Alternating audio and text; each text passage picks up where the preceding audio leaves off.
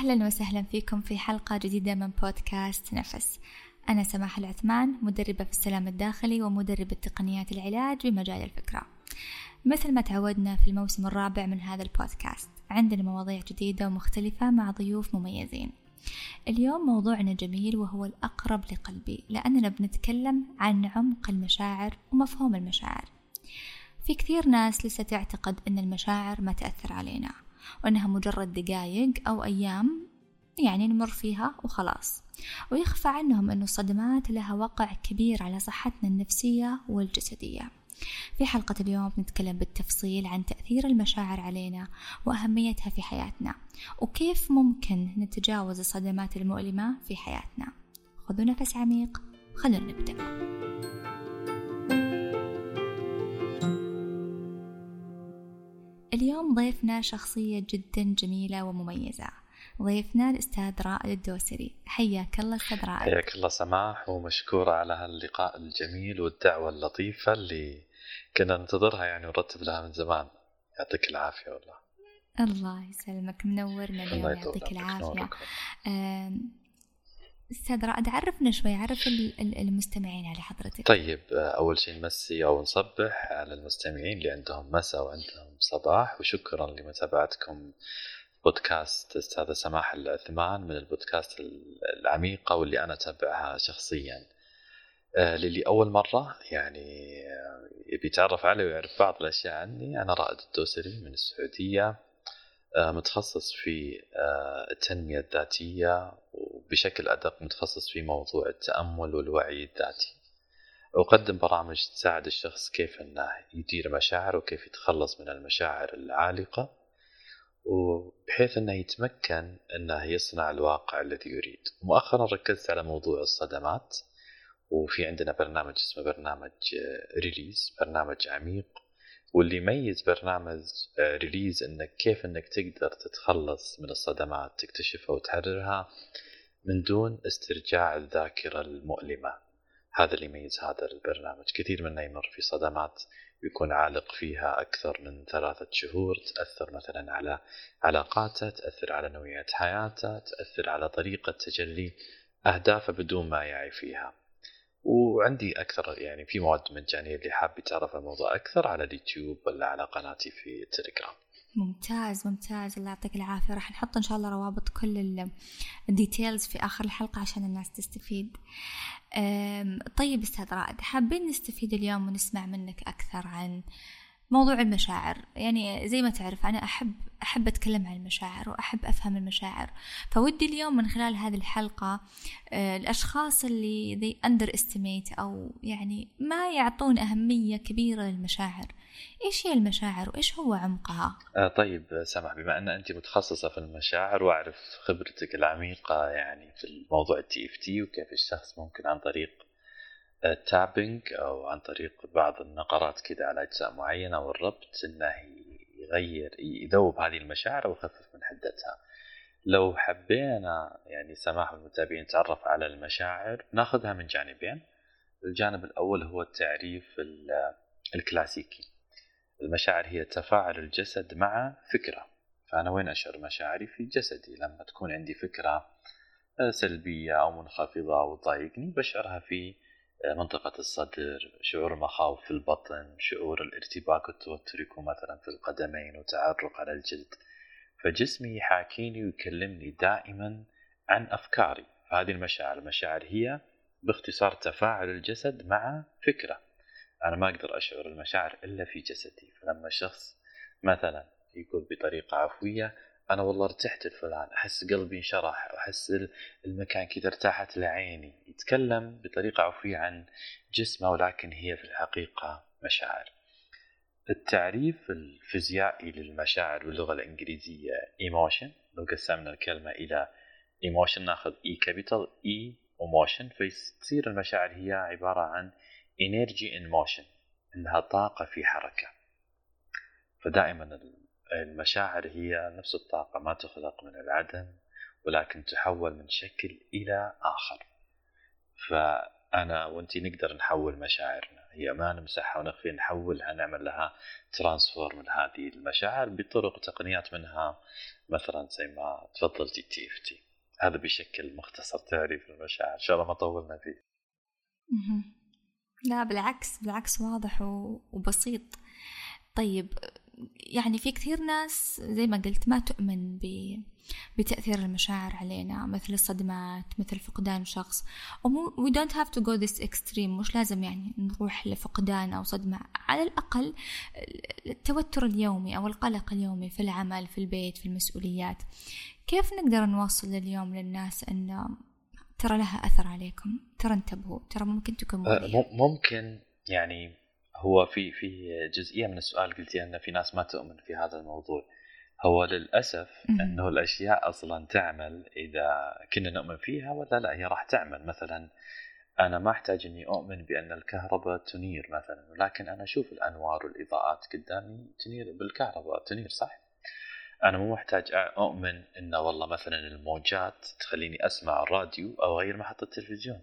أنا لو ما آمنت ولكن هذا اللي يصير. هذا اللي صاير واقع أمامي. إني أغير محطة التلفزيون اللي يصير تتغير كذا موجة عن طريق الساتلايت وتلتقط لي موجة أخبار موجة ميوزك موجة مكان قناة في أمريكا أو قناة في عالم عربي. نفس الشيء في موضوع المشاعر. الشخص مو محتاج إنه يؤمن فيها ومحتاج يشوف النتائج.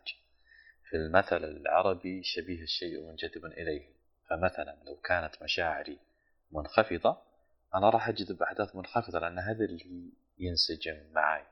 هذا هو ترددي هذه هي الأشياء اللي أنا أتردد ذبذباتي لو تخيلت أنا ولا أنت مثلا إن أنا على شكل مثلا راديو وأنا الفريكونسي عندي مثلا 33 33 هذه موجة الحزن. فأنا الآن كل شيء حزين أمامي ولا حولي في هذا الكون راح ألتقط لأني أنا على هذا التردد أنا على هذا الرتم. فالأشخاص الحزينين يجذبون الناس مثلا حزينين مثلهم والسعداء يجذبون سعداء مثلهم المتزنين يجذبون مثلهم. فتعمل بهذه الطريقة بالتجاذب. أيضا المشاعر تعمل بطريقة التأثير على رؤيتك يعني للأحداث رؤيتك للحياة. فمثلا إذا كنت أنا مبسوط بشوف كل شيء حلو في الدنيا.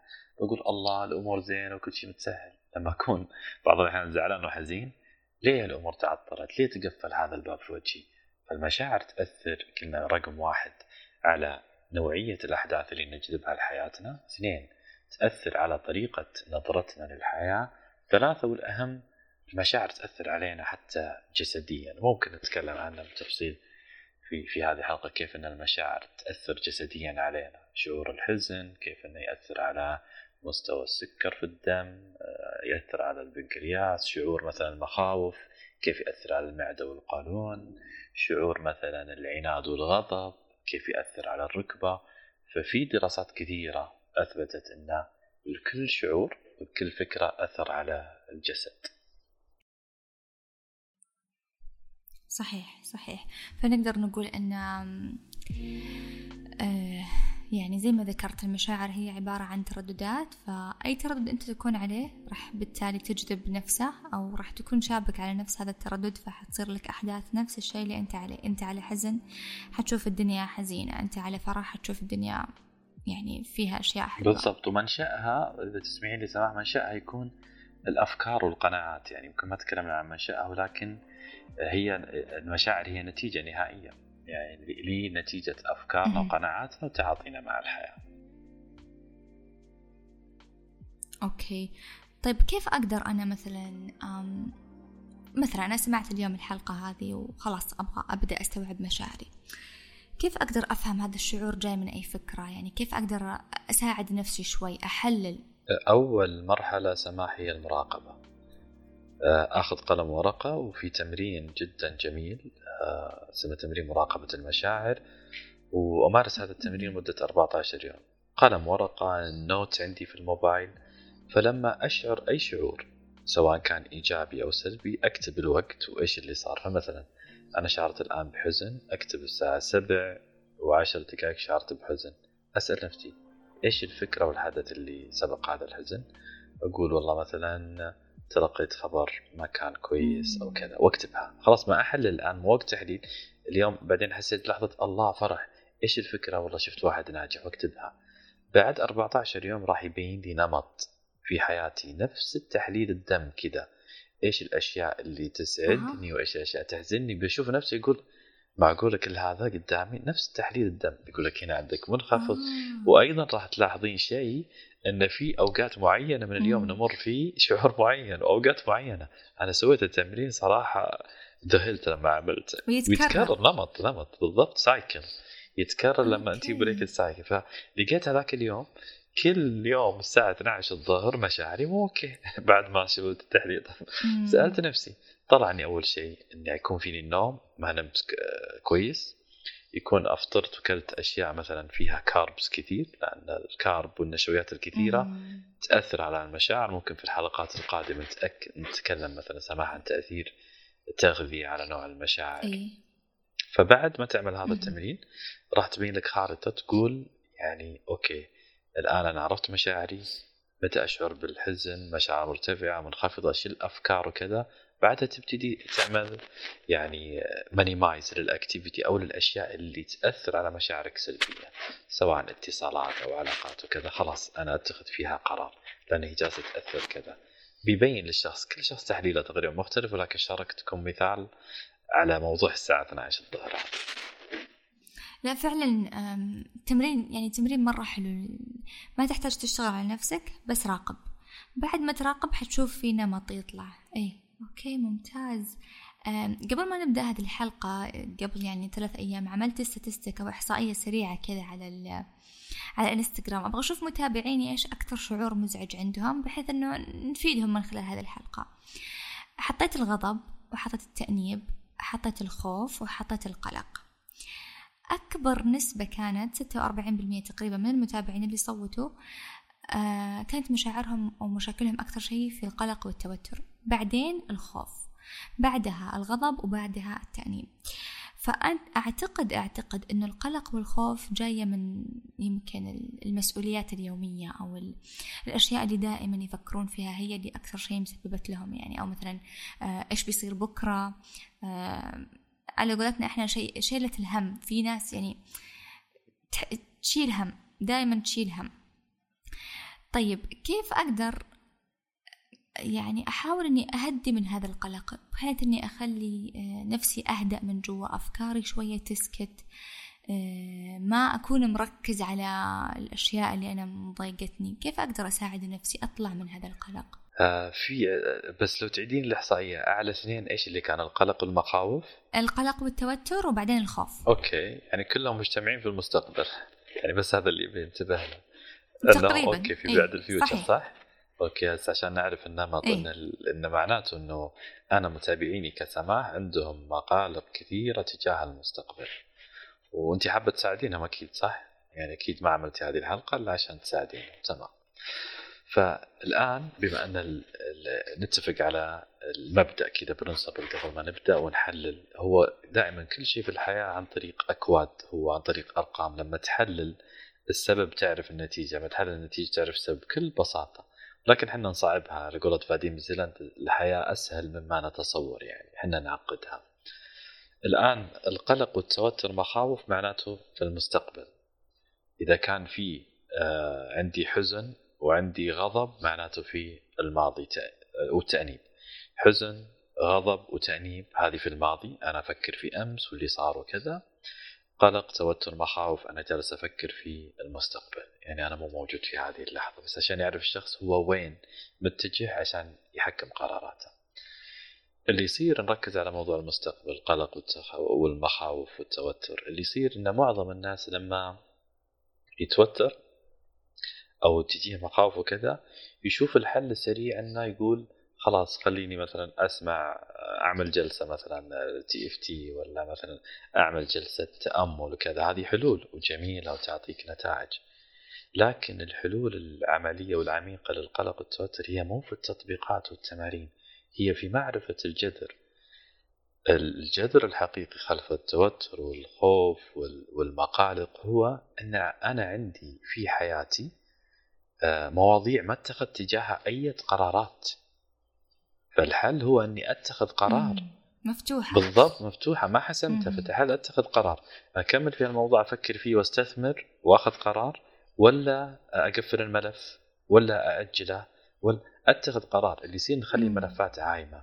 فأكثر من 70% من الناس يعتقد أن يعني العلاجات المؤقتة هذه أنها يعني أو 70% يمارسون العلاجات المؤقتة هذه للتخلص من الخوف راح تتخلص منها في نفس اللحظة. لكن أنت ما عالجت الجذر لهذا السبب راح ترجع لك مرة ثانية بالضبط. فرقم واحد أتخذ قرار تجاه ما يقلقني يثير مخاوف يثير توتر شكوكي أوكي. عندي هذا التوتر الخوف. آه، رقم واحد هو أن عندي مواضيع مفتوحة آه، معلقة كثيرة أتخذ تجاهها قرار وبعدها أعمل جلسة التأمل أو جلسة ال TFT بكذا يكون التشافي بطريقه صحيحة. هذه نقطة جدا مهمة لأن صح كلامك. في ناس مثلا تأخذ جلسات تقولك أنا ما بقى مدرب ما رحت عنده أو ما بقى جلسة ما أخذتها بس ما أحس إني استفدت. يمكن أنت ما مسكت الأساس الموضوع. آه، يمكن أنت ما سكرت ملف. صح يعني أنت بس عالجت الموضوع من برا وما سكرت الملف. بالضبط. وهذا اللي نعمله في برنامج ريليز انه نقول لهم في برنامج مثلا تشافى الصدمات انه ترى مو جلسة تأمل أقدر أعطيك جلسة تأمل اليوم. وأعملها. لا. الوعي بالجذر المسبب هو هو اللي شافيك. لما تعرف السبب المسبب لهذه المشكلة وتقول زي الأها مومنت كذا صح هذا السبب. بعدها تبتدي تعمل التطبيقات تتشافى نفس الجرح لما أنت تنجرح تحتاج إنك تعقم هذا المكان انت متخصص في موضوع الصحه ممكن تعرفي عن موضوع. تحتاج تنظف المكان عشان ما تجي التهابات تحتاج كذا بعدين تحط عليه الشاش أو القطن. ونفس الشيء عالج الجذر بعدها أعمل التقنيات. وهذا اللي يفتقده معظم يعني ممكن ممارسي التنمية أو اللي أو اللي أو معظم البرامج ممكن تكون. حلو ممتاز. طيب. خلينا شوي نتكلم عن عن الصدمات. أنا أشوف أن موضوع الصدمات موضوع كبير يعني حتى من خلال الاستشارات اللي تجيني أو الجلسات الخاصة اللي أقدمها أشوف أن في كثير ناس عندهم صدمات بس ما يعرفون. تقولك أوه أنا معقولة عندي صدمة؟ يس هذه الصدمة من بعدها مثلا صار عندها سلوك معين أو صار عندها مخاوف أو صار اكتسبت معتقد. فنلقى بعد الصدمة تتغير حياتها كومبليتلي بس هي ما هي مستوعبة. فممكن نتكلم أكثر عن الصدمات وهل فعلا هي تتخزن في أجسامنا ولا هو بس حدث يحصل معنا وينتهي؟ طيب خل... خلينا شيء نتعرف على تعريف الصدمات. الكثير يعني ممكن يخلط في تعريف الصدمات وإيش تعريف الصدمات هي يعني الصدمات هي عبارة عن أحداث كلنا نمر في على الأقل 50 إلى 60 ألف حدث في اليوم ولكن الصدمة هي الحدث الذي يبقى في داخلك. وهذه نعرفها في منهج الريز بهذه الطريقة. الصدمة ليست الحدث الذي يحدث لك ولكن الحدث اللي يبقى في داخلك. سواء كان هذا الحدث مثلا صغير ممكن يكون ضغوط مستمرة تسبب صدمة ممكن يكون مخاوف مستمرة تسبب صدمة ممكن يكون توتر مستمر يسبب صدمة ممكن يكون صرخة كذا. بصوت عالي تسبب صدمة.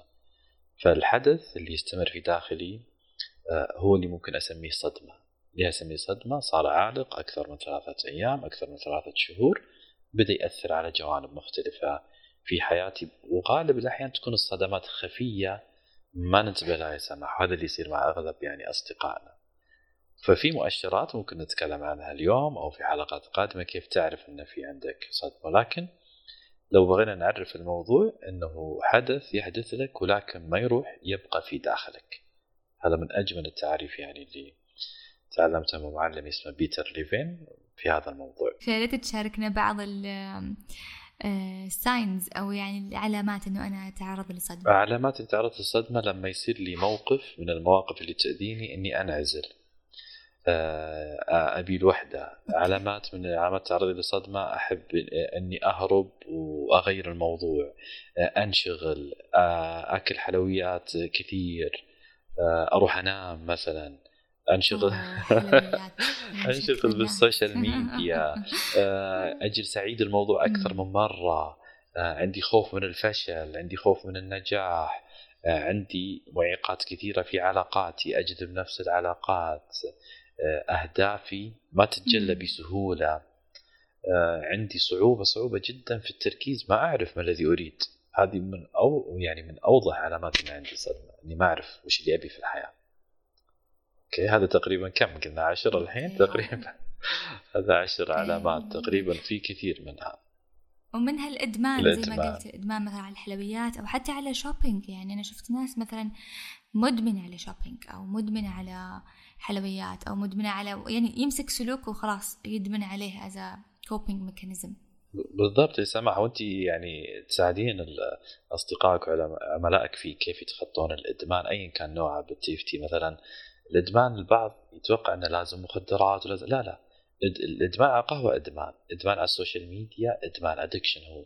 إدمان على music على أي عادة أمارسها لكي يعني أهرب فيها من مواجهة مشاعر أو ألم هي إدمان. لو كانت مرة واحدة okay. ولكن لو كانت أكثر من مرة معناته إنه في trigger في محفز. أنا كل ما أزعل أروح أخذ لي hot chocolate ولا كيكة شوكولاتة. أنا بصراحة أحب كيكة شوكولاتة ولكن عضويه فمثلا اخذ لي كذا. فصرت كل مرة من أزعل خلاص ودوني مثلا مكان معين. أبي كيكة hot chocolate داخلها كذا شوكولاتة ذايبة مع ريحة الكيك شيء خيال صح؟ فبعدين لا أمسك نفسي. معناته انه لا عندي هروب. okay مرة في الأسبوع لكن كل مرة بزعل باخذ شوكولاتة لا. فأشوف ال triggers المحفز فأمسك نفسي لما يصير شيء يزعلني أو تعرض لصدمة أشوف إيش أول حدث أو ال reaction سويته. مثلا رحت هربت ونمت. okay آخذ هذا ال response هل أنا في كل المواقف السابقة لما أزعل أروح أنام؟ اي صح والله معناته هذا ال coping mechanism هذا نظام التكيف تبعي. فموضوع رحلة طويلة جميل موضوع تشابه الصدمات ولكن هذا مثال يعني عليها. الجزء الثاني يا سماح قلتي لي في موضوع هل تتخزن في الجسد؟ طبعا جسمنا مليء بالماء 70% من جسمنا عبارة عن ماء 30% عبارة عن العضلات والعظام والأحشاء. فأي حدث عندنا يحدث لنا في حياتنا ويبقى في داخلنا سواء كان جميل أو غير جميل هو يتخزن في ثلاثة مناطق. يتخزن في الذاكرة المشاعرية اللي هي يعني evoke اللي هي مشاعر emotion يعني evokeness في الذاكرة المشاعرية. يتخزن في الذاكرة الذهنية ويتخزن في الذاكرة الجسدية. ثلاثة مراحل من التخزين في أي منهم. فمثلا ما مر عليك سماح مرة كذا رشيتي عطر ولما شميتي تذكرتي موقف معين يذكرك آه صح؟ العطور العطور يعني أنا عندي معها آه، أول شيء أنا أحب العطور وشاطرة في العطور. فالعطور أربطها بالأماكن أربطها بالأشخاص أربطها بالأحداث. بالضبط. صحيح. وفي بعضها ممكن أن أنت ما ربطتيها بطريقة واعية لكن لما ترسيت تقول أوه تذكرت هذيك السفرة تذكرت هذاك المكان صح؟ فمعناته إنه الجسد وممكن بالعكس يعني لما اكون متهاوشة مع أيوة. أحد وشميت العطر أكرهه بالضبط أو سمعت أغنية تذكرني بموقف يعني ما أحبه ليه. من وين طلعت هذه؟ جسمي مخزن هذه المعلومة مم. جسمي لما شم العطر كنت أنا سعيدة فخزن هذه الذاكرة جسمي لما تفاعلت مع أبوي أو أحد صرخ علي أنا كنت لابس هذاك التيشيرت وبعدين كررت ما ألبسه.